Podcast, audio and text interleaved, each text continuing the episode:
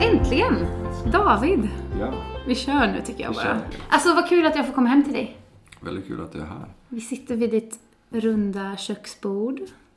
Hur länge har du bott här nu då, i den här lägenheten? Sen i maj, så det är några månader bara. Du är nygift Nygift, ja. med Sam. Sam Davidge. Exakt. Så Vi bra. gifte oss i augusti. 16 augusti. Wow, Mm. var det en fin dag? Det var en jättefin dag. Ja. Det är väldigt speciellt och det går väldigt fort där. En, Ja. en vigsel och eh, bröllop och fest. Så där. Men det var väldigt mycket folk som har rest in som, Ja. från hela världen som, som är släkt till Sam och vänner och vänner, den vänner till mig. Så det var väldigt, väldigt fint. Det är något speciellt det där. Mm. Jag tyckte också så här första gången man går in i kyrkan, dörrarna öppnas. Jag står bredvid min pappa liksom och så, Mm. så dörrarna, det var, det var så häftigt bara att se alla människor som kollar mot en och bara människor från olika delar av ens liv var alla här i samma rum. Kommer för att de vill fira en. Riktigt moment Ja, alltså. ja. Nu får vi tänka här. Du är ju pappa Mm. till två pojkar. Mm. Du är lärare. Ja. Du är, säger man doktorand? Nej, ja, inte längre. Jag var Inte längre, du doktorand. var är doktorand. jag doktor. Ja. du är doktor nu. Mm. Så jag sitter och pratar med en doktor. Precis. Wow. Men sen så är du också min kompis. Mm. det är också fint. Kanske det bästa. Eller hur? Jag tycker det är fint. Skulle du vilja lägga till något mer på den där listan? Har du något mer? Um, lärjunge. Lärjunge, det är en väldigt bra. Och ehm, ja, som vi sa, man Mm. till make till Mm. Sam. Men, men också, jag tänker att, att eh, något som har genomsyrat mycket är ju också mitt musikintresse. Mm. Och, och, eh, så, även om jag kanske inte leder lovsång supermycket alltid själv så är jag ändå en lovsångare på det Mm. sättet att jag liksom finns med i de sammanhangen. Och, och uppskattar att, att uttrycka min tillbedjan och tacksamhet genom musik till Gud. Men exakt, och det var så vi träffades. Mm. För att vi började ju bibelskola samtidigt. Ja, Och vi gick i samma klass. Så vi gick eh, ITM, en, eh, en skola i eh, Huskvarna. Som inte finns längre, tyvärr. Var det direkt efter studenten för din del? Nej, Nej. jag hade gjort... Hur var det? Jo, men jag hade gjort lumpen innan. Ja, ah, okej. Så det var två år efter. Två år studenten. efter. Ja. Precis. Jag gick, kom ju direkt från Mm, gymnasiet. just det. Ganska omvälvande år för min del alltså. Att, så jag tänkte vi kanske skulle prata om det lite. Bearbeta våran... Eh, Musik och ledarskap. bearbeta vår liksom history. Så hur var de åren för dig egentligen? Nu så här i efterhand. Alltså för mig så var det ju en... Jag var inne i en verkligen eh, resa där för att jag gick teknisk natur på gymnasiet. Mm. Och hade planer på att bli ingenjör och så där. Så att när jag hade slutat gymnasiet sökte jag in på en ingenjörsutbildning på, i Linköping. Och sen så fick jag uppskov för att göra lumpen. Mm. Och där under lumpen så insåg jag att det var väldigt spännande att prata med människor om tro. Mm. och eh, då, då tänkte jag att jag kanske ska göra någonting annat. Eh, I alla fall så länge tills jag vet vad jag vill göra. Så då blev det att jag sökte ITM och då hade de den här, de, jag vet inte om de sa det till dig på ansökningsdagen också, att vi har en ny utbildning, ett nytt program som heter musik och ledarskap. Så att Precis. jag, jag hade sökt bara musik eller jag kommer inte ihåg vad det Ja. fanns för alternativ. När man kunde liksom kombinera både teologi Ja. och musik och jag tänkte att det lät ju spännande. Mm. Men jag visste ju att, då att jag ska inte bli pastor eller något sånt där. För att jag är uppvuxen i en kristen familj och tänker att det, det var inte vägen jag ville gå. Så där. Men kanske bibel, kanske något sånt där. Folkhögskollärare och sånt. Men jag kommer också ihåg det där att det hände i rummet att de sa Mm. det. Vi har en ny utbildning. Det var ju liksom ingenting som man hade hört om innan. Nej, exakt. Men så okej, du kan gå ett år. För då skulle de ju göra den andra kortare. Ja, precis. Så då hoppade vi bara på någonting nytt som var helt oprövat. Som ingen visste om. Som ingen var, visste om vad det var för någonting. Men musik och ledarskap. Någon sorts tanke att liksom... Ja, men att kunna använda musiken som sitt eh, verktyg Mm. i sin tjänst. Som eh, ja, men, ungdomsledare eller... Ganska bra, bra tänk. Och jag tänker, Eller hur? När jag ser tillbaka på några så var det väldigt bra år. Alltså, vi Ja. fick träffa väldigt mycket bra folk som undervisade oss om allt ifrån Gamla Testamentet där jag fastnade sen och eh, Du kom aldrig vidare. Jag kommer aldrig vidare.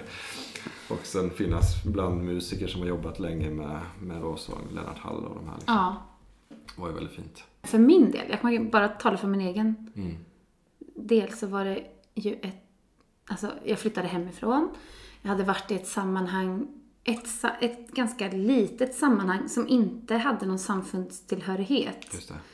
Så jag upplevde nog att jag, det var som att jag liksom så här vidgade mitt perspektiv supermycket. För jag bara så såg människor från ja, men olika samfund och fick liksom vänner, nära vänner från liksom EFS, EFK, pingst.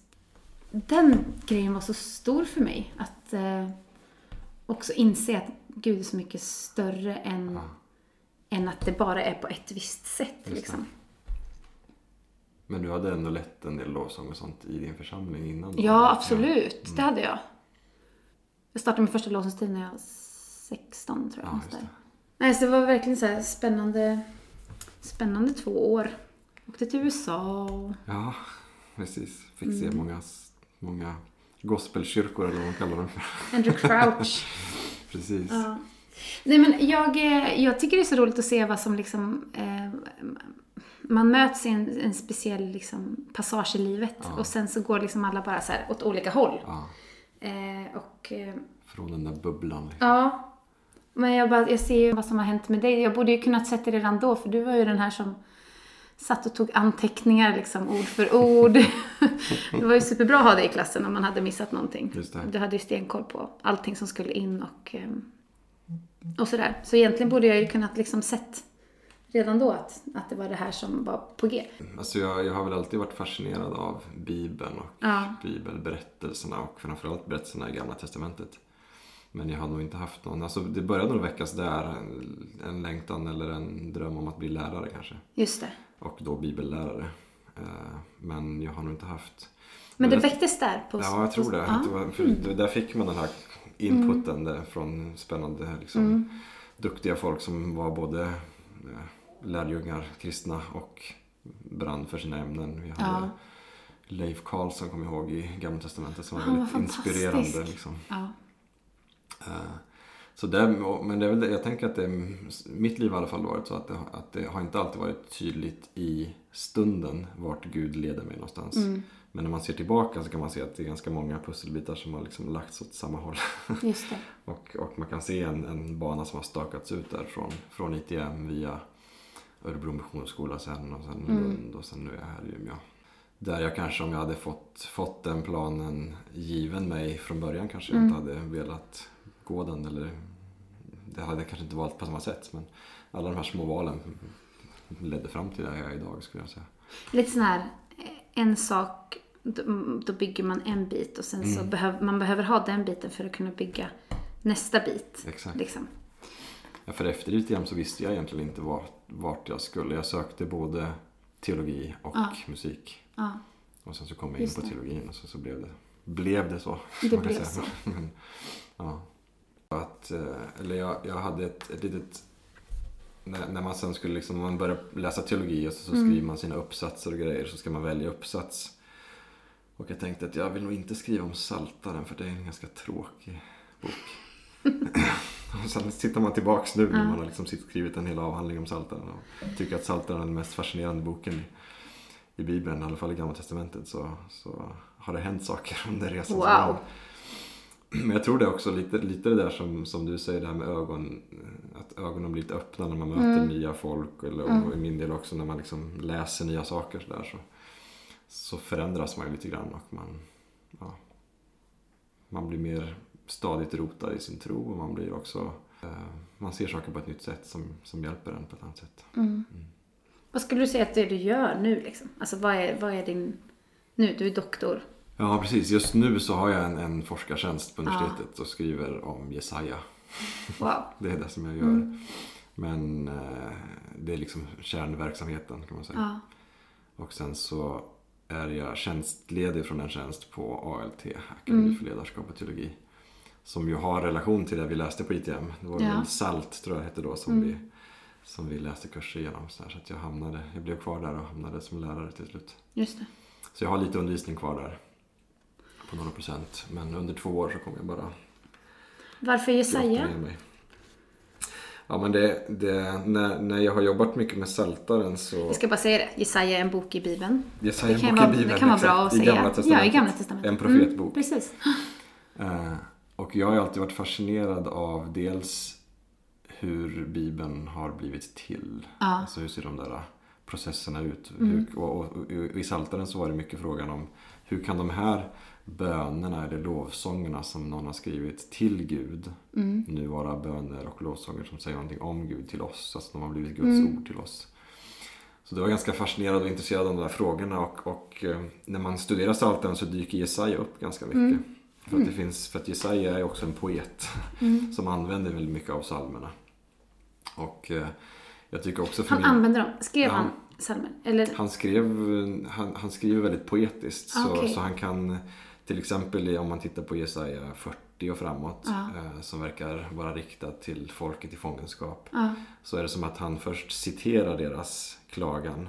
Eh, För ofta så är det de här liksom protest eller klagosalmerna. Och då, då säger han Israel, hur kan du säga att Gud har övergivit dig? Alltså det är som att han citerar en sång och sen så ger han Ja. ett poetiskt svar. Att hur kan en, en, eh, en moder överge sitt barn och Mm. även om hon skulle göra det så skulle inte jag överge dig. Så, så kommer de här liksom poetiska texterna och så ibland så är det rena liksom, eh, sånger som handlar om Gud eller, eller så. Som finns i Jesaja. Eh, och det där är ganska, jag är lite fascinerad över, över liksom kopplingen mellan då så att säga, folkets sång Mm. och det profetiska. Ah. För att de verkar gå ihop ganska Ja. mycket. Särskilt under den här tiden när Saltaren skrivs och kommer till så ses Saltaren såklart som en liturgisk bok som har böner men Ja. också som en profetisk bok. Mm. Så därför så används den väldigt mycket i Nya Testamentet sen när, när de första kristna ska förstå vilka är vi, vem är Jesus? Då går man till Saltaren och Ja. Jesaja. Ja. Eh, Så då, då var det ganska naturligt för mig att, att från Saltaren gå till Jesaja sen för att se.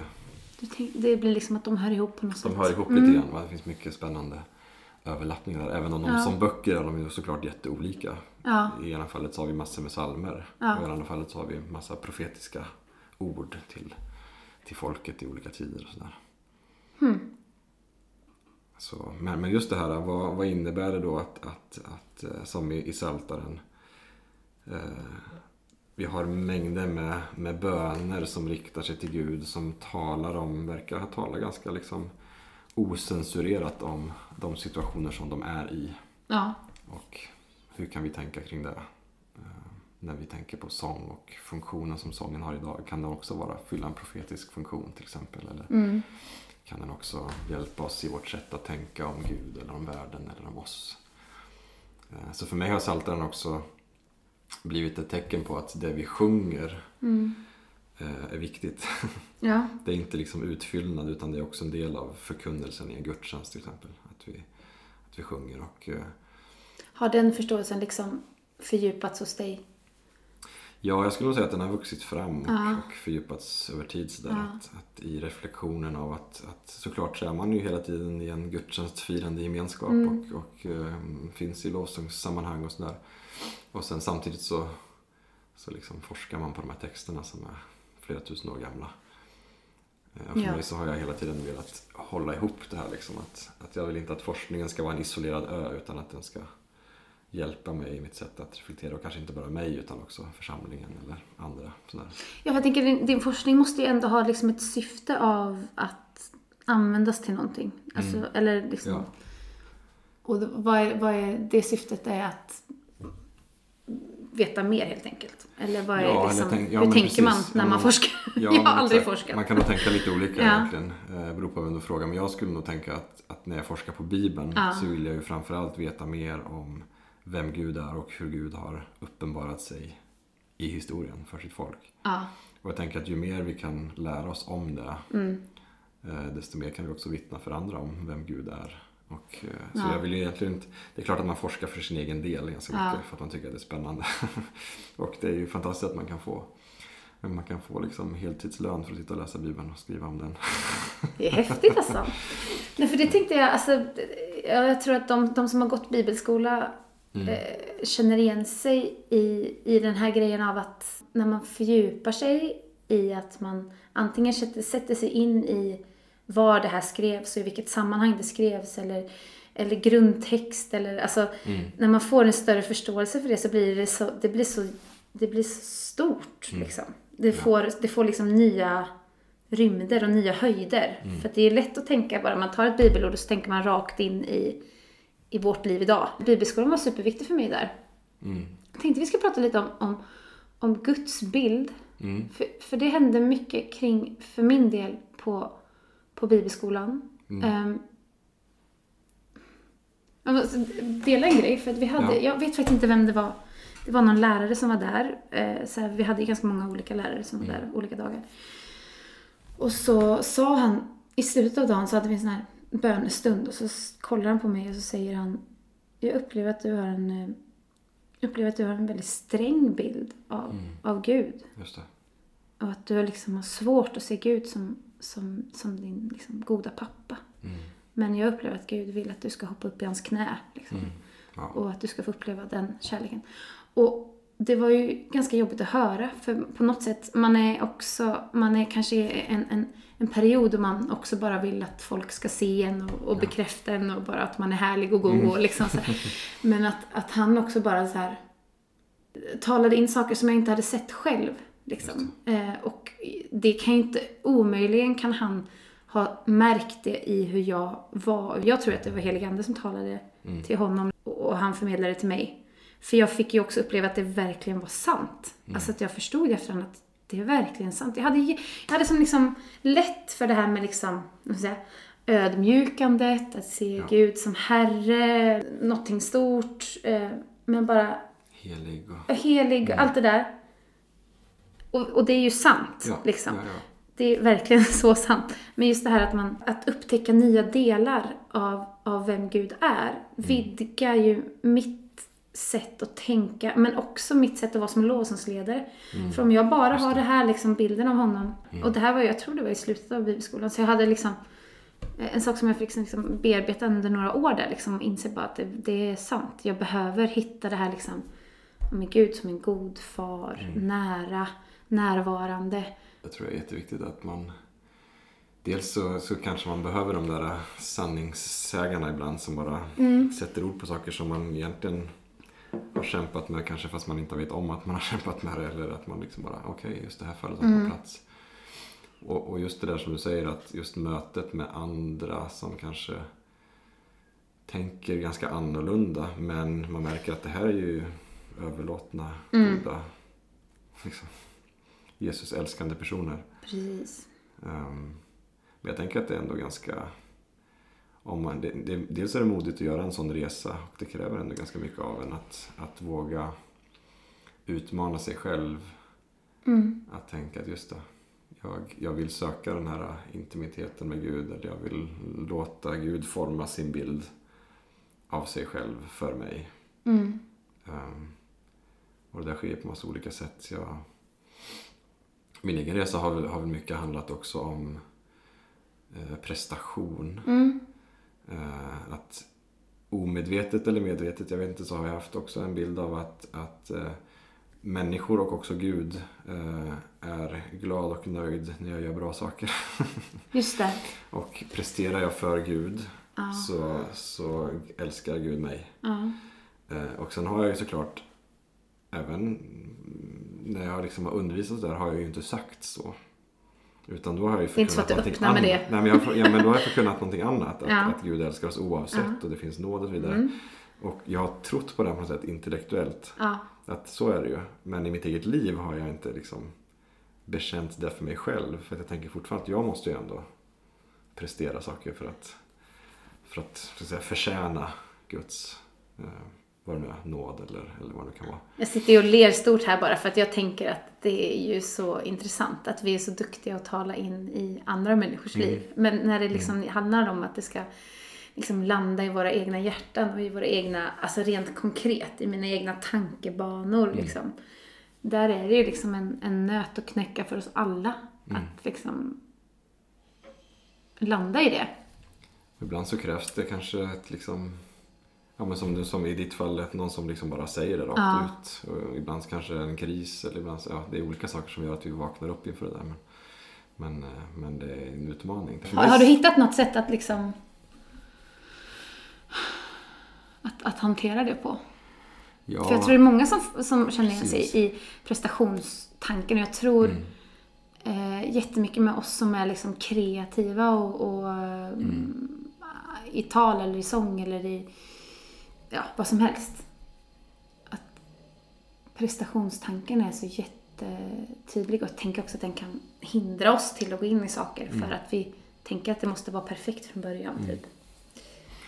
Ja, och jag, jag, ska nog inte säga att jag är helt befriad från det där. För att det där tror jag att jag kommer få kämpa med, med hela livet. Skönt. Jag tänkte där, vi, vi, ehm, var, vi ledde lovsång tillsammans, jag och min fru, mm. i lördags.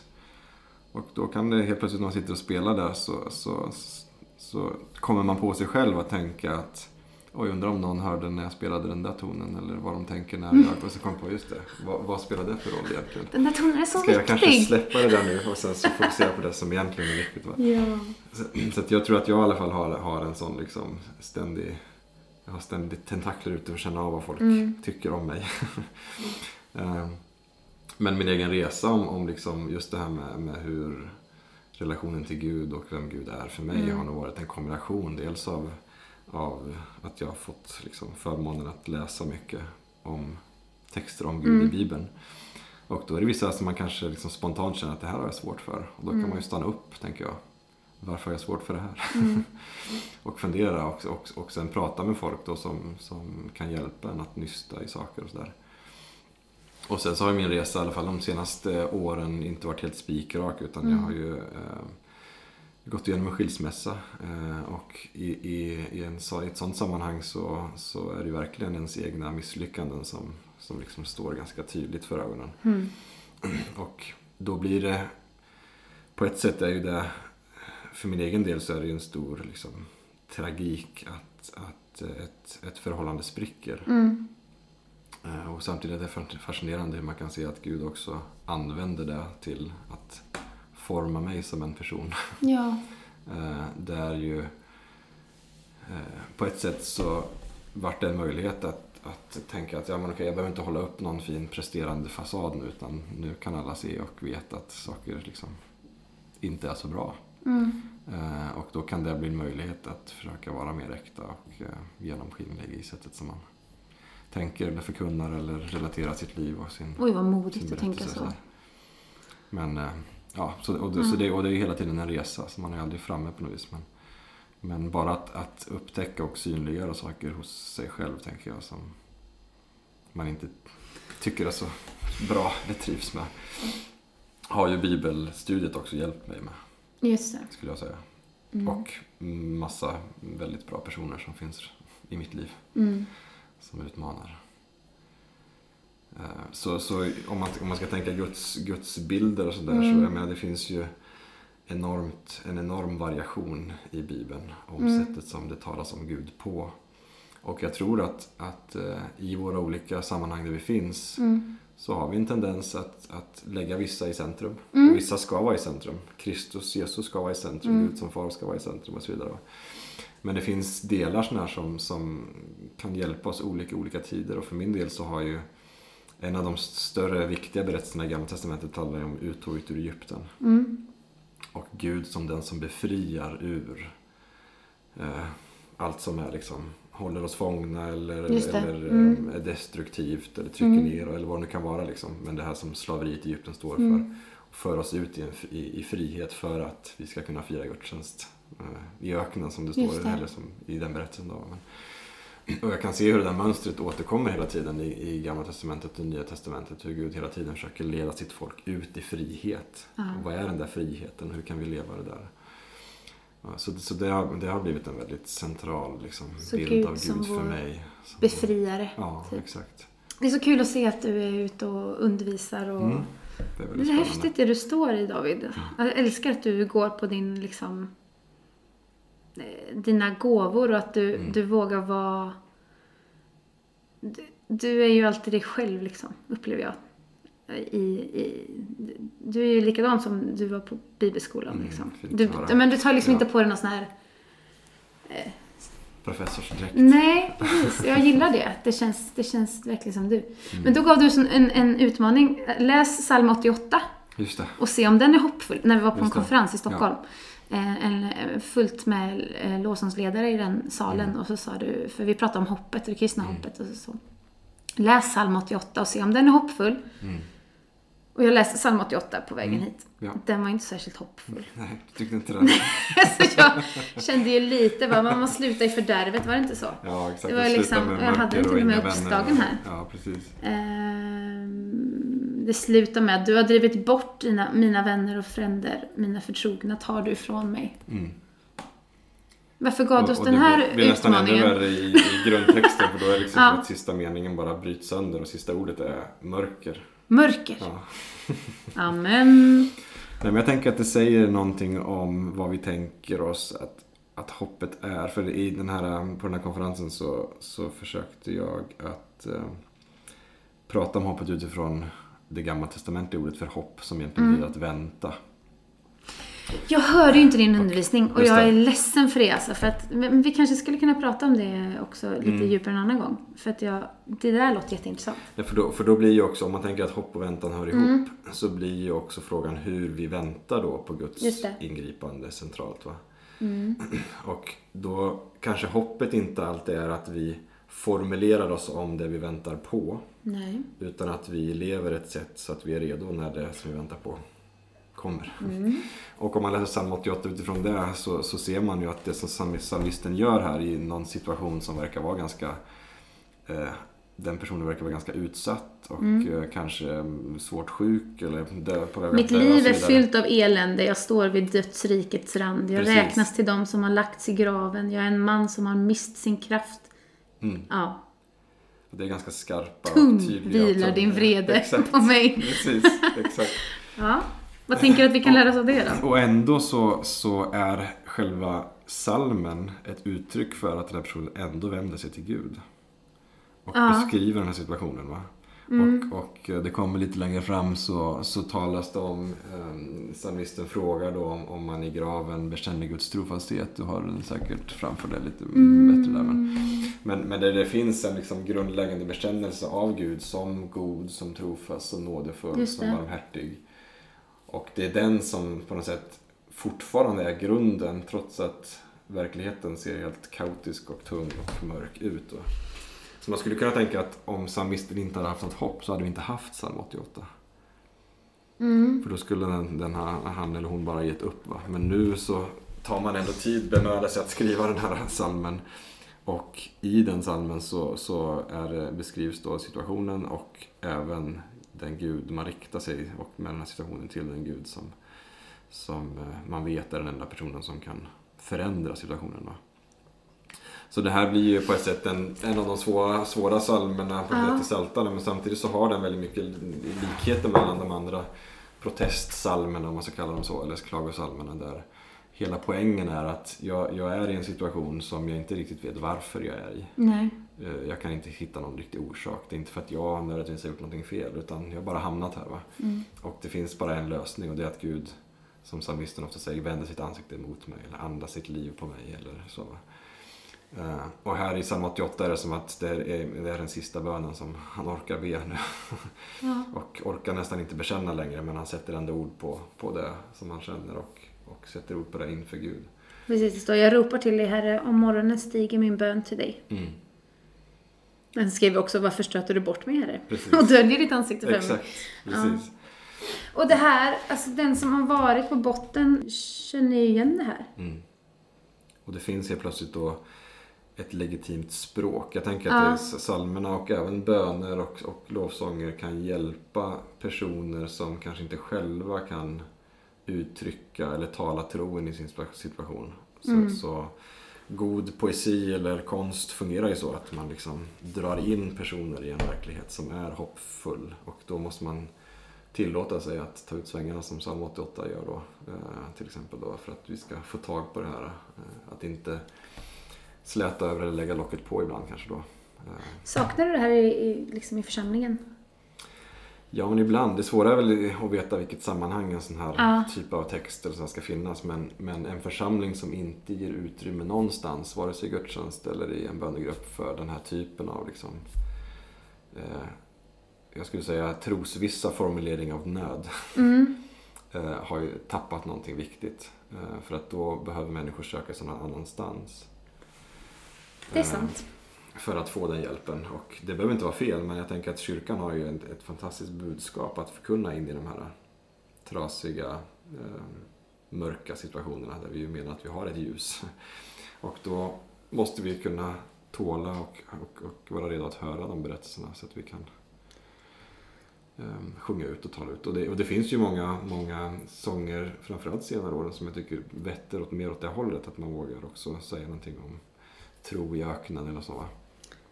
Uh, Mörkaste natt ja, och i stormen. Och vi sjunger mycket om stormar. Vi sjunger mycket om stormar och, och sjunger om Guds trofasthet. Exakt, det är någon som har skrivit en sån. en sån sång. Uh, men jag tror att vi fortfarande finns saker att erövra där. För att om vi skulle slå upp många psalmer så, så, tror jag att vi, vi spontant reagerar att det här kan vi inte sjunga. Nej. Det här är lite för. Och då är det här ändå 150 psalmer som har valts ut av säkert väldigt många som fanns den här tiden. Att det här är Guds... Gud, Gud vill säga oss någonting genom det här. Jag tycker det bara är intressant för ju, ju, ju, ju äldre jag blir eh, och ju, ju närmare jag kommer folk så inser jag liksom att alla människor har sin kamp. Mm. Och, och det, det blev jättetydligt för mig när vi gjorde skiva nummer två. Mm. För då, alltså det, det, var, det var sånt tryck på alla, eller alla, men väldigt många som var med under den perioden. Och det var liksom så här, det var mörker, det var liksom, det var,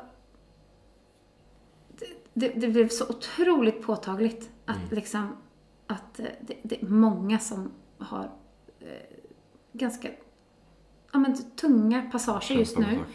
Men det jag tyckte var så fint, det var ju att vi var ärliga med varandra. Mm. Kommer ihåg något samtal jag hade, så Skype-samtal, mycket Skype-samtal. Mm. Eh, men, och det var någon, och liksom man frågar den här vanliga frågan som man alltid frågar, men hur är det med dig? Och den personen svarar ärligt hur det är. Ja. Och vad det gjorde med vår relation sen, liksom, att nu är vi på en helt annan plats. För den personen mm. öppnade upp sig för mig och mm. berättade om hur det var på riktigt. Ja. Vi pratar om våra sammanhang som att ja, men, att vi liksom inte att det inte har plats och liksom sådär. Mm. Men det handlar ju väldigt mycket om att man själv öppnar upp sig. Absolut. För det är ju då det liksom, det är då det händer någonting. Det är då man liksom, det finns ett förtroende. Jag vet att den personen kommer inte skämta bort det eller skratta bort det eller mm. den personen kommer lyssna på mig och liksom um, men jag bara ser runt omkring mig själv nu så här, det nätverk som har byggts upp handlar mycket om att man liksom ja, vi vill varandra väl. Ja. Och det tänker jag som församling ja. också, att vi behöver liksom komma dit att vi har alla våra fighter att kämpa. Har du inte varit där än så kommer du komma dit. Mm. För att det är så, livet är sånt. Mm. Vi hade blivit helt odrägliga tror jag annars. Om vi hade liksom haft det här räkmackan. Och det är väl det som är kanske också utmaningen när man står i en typ av ledarfunktion. Att veta ja. hur, hur mycket man kan dela av det. Så, ja. Och för vilka och med vilka. För om man läser psalmerna så ser man ju också att de är väldigt eh, på ett sätt är de, alltså språket är väldigt konkret sådär. Mm. Men man får ju aldrig någon idé om vem den där fienden är. Eller, alltså det är ju inte konkret så att det är personligt på det sättet. Va? Utan Just det är, fortfarande, det. det är fortfarande formulerat som att vi, vi kan aldrig veta vem psalmisten i psalm 88 är. Och han säger inte att det var liksom Greta på jobbet som var jobbig utan det är väldigt, fortfarande väldigt allmänt formulerat. Mm. Och det, jag tänker att det är så som många av våra lovsångstexter ju är skrivna när de är skrivna om Gud. Så, så jag tänker att på samma sätt så, så kan man utmana sig själv och fundera över hur kan man också skriva texter som fångar in mer av livet med Gud på ett allmänt sätt som folk kan identifiera sig med. Och, och mm. Så hjälper man varandra att bära varandras bördor genom sången också. Och där kan man inspireras av olika musikaliska traditioner såklart. Att det finns I bluesen finns till exempel väldigt mycket av de typer av texter. Eh, eh, och sådär. Eh, och i singer-songwriter finns en del sånt där kommer också. Så det, jag menar, det, finns ju, det finns ju lite överallt sådär. Ja. Men inte alltid kanske då i, i mainstream lovsång. Musik. Och frågan är, ska det göra det? kanske inte ska det. Men, jag vet men, inte. Men, vi får ju ofta det som en liksom sån här det, det kommer som en känga ibland mm. emellanåt. Att vi liksom är för glättiga eller att mm. det liksom är för glatt eller att det liksom är... Um... Det finns ju också en sanning i att sjunga ut Guds mm. sanningar mitt i stormen. Och, mm. Men jag tänker att det är vi ganska... Det känner vi till ganska väl. Va? Um, vi är ganska starka där nu också vi, tror jag. Ja, alltså jag just att vi, att på något sätt vi liksom identifierar att livet är inte lätt så därför Mm. behöver jag sjunga mig igenom det här. Mm. Eh, Jag behöver liksom vända min blick till honom. Precis. Det känns som att vi har ganska många sådana sånger Ja. nu. Om jag bara gör min Jo, men jag högst tror också, men och, subjektiva. och ibland så kanske man behöver någon sång då som hjälper en att plocka, plocka av bagaget först innan Ja. man vänder sig eller bara säger att ja, men vi ser att eh, det är tufft eller vad det nu kan vara. Mm. Jag har inga jättetydliga svar på hur det kan se ut men, men jag, min utmaning är att, att, att när vi läser Saltaren mer och, Mm. och får den typen av språk och bilder att forma också hur vi tänker så, så blir nog eh, steget kortare. Helt enkelt. Men Jesus läste Psaltaren. Mm. Precis. Han citerar ju till och med en sån här protestsalm på korset. Är det så? Mm. Min Gud, min Gud, varför har du övergivit mig? säger han. Och det är psalm 22, en här klassisk Mhm. klagosalm som, där psalmisten då frågar. Och de där frågorna är ju, skulle jag säga, inte retoriska frågor utan de är uppriktiga frågor. Eh, när, när, när de här personerna i Saltaren lider så vet de inte varför. Och Mm. där finns det ju en, jag tänker att där finns det en tydlig legitimitet att om Jesus kan be så, så kan vi också be så. Och sen så får vi samtidigt tänka att det är klart att det händer någonting med Jesus som dör och uppstår. Och vi, vi kan, kanske inte kan tänka likadant kring alla de här psalmerna som, som man gjorde innan det. Men jag tänker att vi lever fortfarande i en tid där vi inte ser Guds rike fullt ut och där vi inte ser Guds löften fullt ut. Men vi kan ana Nej. dem och vi kan se delar av det. Så där. Men men det finns fortfarande en poäng att vi, att vi kan sätta ord på sånt som, och hjälpa människor att få ett språk för sånt som är svårt. Som inte bara är hämtat från allmän, liksom, samhället runt omkring utan som är Mm. ett kristet språk. Hur, hur talar vi tro i de här situationerna? Eh, och då, där, blir ju, där blir ju de här psalmerna också intressanta, tänker jag. Eh, Mm. när, när Jesus ber som han gör på korset och sen så blir hela den där psalmen en, ett nytt vittnesbörd också. Det skulle man kunna prata hur länge som helst om. Ja. Men, men där, där vi ser att när man berättar om korset så använder man den här psalmen då. Pratar om att de kastar lott om hans klädnad och att det är någon, en hedning som, som eh, bekänner Gud och så vidare. Att det där finns liksom profetiskt i den där psalmen som ju om man läser den rakt upp och ner så är det en person som lider. Mm. Mm. och, eh, så det finns väldigt mycket spännande kopplingar där egentligen mellan, mellan eh, böner födda ur konstiga situationer, jobbiga situationer. Och sen bekännelsen av vem Gud är och vad Gud har gjort och ja, Mm. det profetiska. Wow. Jag tror vi återkommer om Psaltaren alltså. Ja, vi får göra det. Ja, alltså det finns mycket att prata om David. Mm, Jag känner det. det är spännande. Eh, men jag, jag gav dig ju en liten sån här eh, utmaning. Just det. Mm. För jag tänker att jag vill ju- höra liksom mina gäster vad de... Någon, någon eh, strof eller något som har talat till dig. Och det kan vara länge sedan tillbaka eller, eller nu. Mm, Alltid när jag får den där frågan, och vi fick ju den där på den här konferensen också, vilken sång har betytt mycket, så, Ja. så um, blir jag alltid lite kluven. För för mig, så, när jag lyssnar på en sång, så är det oftast musiken som talar mer. Vilket ackord är det som talar till dig mest? Ett uh, ES, nej. Eh, Det är nej, säkert men- någon sån här elva... Ja, säkert plus. någon typ av gospelackord. Ja. Ehm, nej men så, så det är lite jag- det finns strofer ur Psaltaren som jag gillar, psalm 143 där det står, Mm. där, psalmisten ber om att få möta, eller egentligen står det att få höra om Guds trofasthet varje morgon. Mm. Eh, men om man ska tänka på sånger som har, som har betytt mycket så den jag nämnde då på konferensen var en, en sån här klassisk Kirk Franklin-sång som heter eh, Hold Me Now. Mm. Och just den här sista refrängen när de sjunger att ehm, He can and he will hold you now, don't Mm. you worry och så vidare. Det är på något sätt He en, can and he will hold Ja, you now. precis. Mm. ehm, det är en sån här Fint. fras som, som på något sätt Ja. ehm, talar sanning om att Gud både kan, Han kan just det, han kan hålla ihop den här situationen, han kan hålla upp mig och han vill också. Eh, så att det, det, jag, det jag får göra är att, att luta mig på den sanningen att oavsett hur det ser ut så, så kan Gud och vill hålla mig. Så att säga. Ehm, och det där, ja, nej, men jag tänker att eh, i olika tider så är det klart olika eh, strofer och sånger som betyder mycket. Men, Mm. men om man tittar tillbaks över tid så har den där varit viktig. Jag. Mm. Sista grejen då, innan, Mm. vi, innan vi säger hej då för den här gången. Om du nu skulle prata med dig själv eh, som eh, bibelskoleelev eh, 2004? Ja, något sånt, ja. 2006? Just det. Ja. Skulle du vilja säga till dig själv? En enkel fråga. Ja.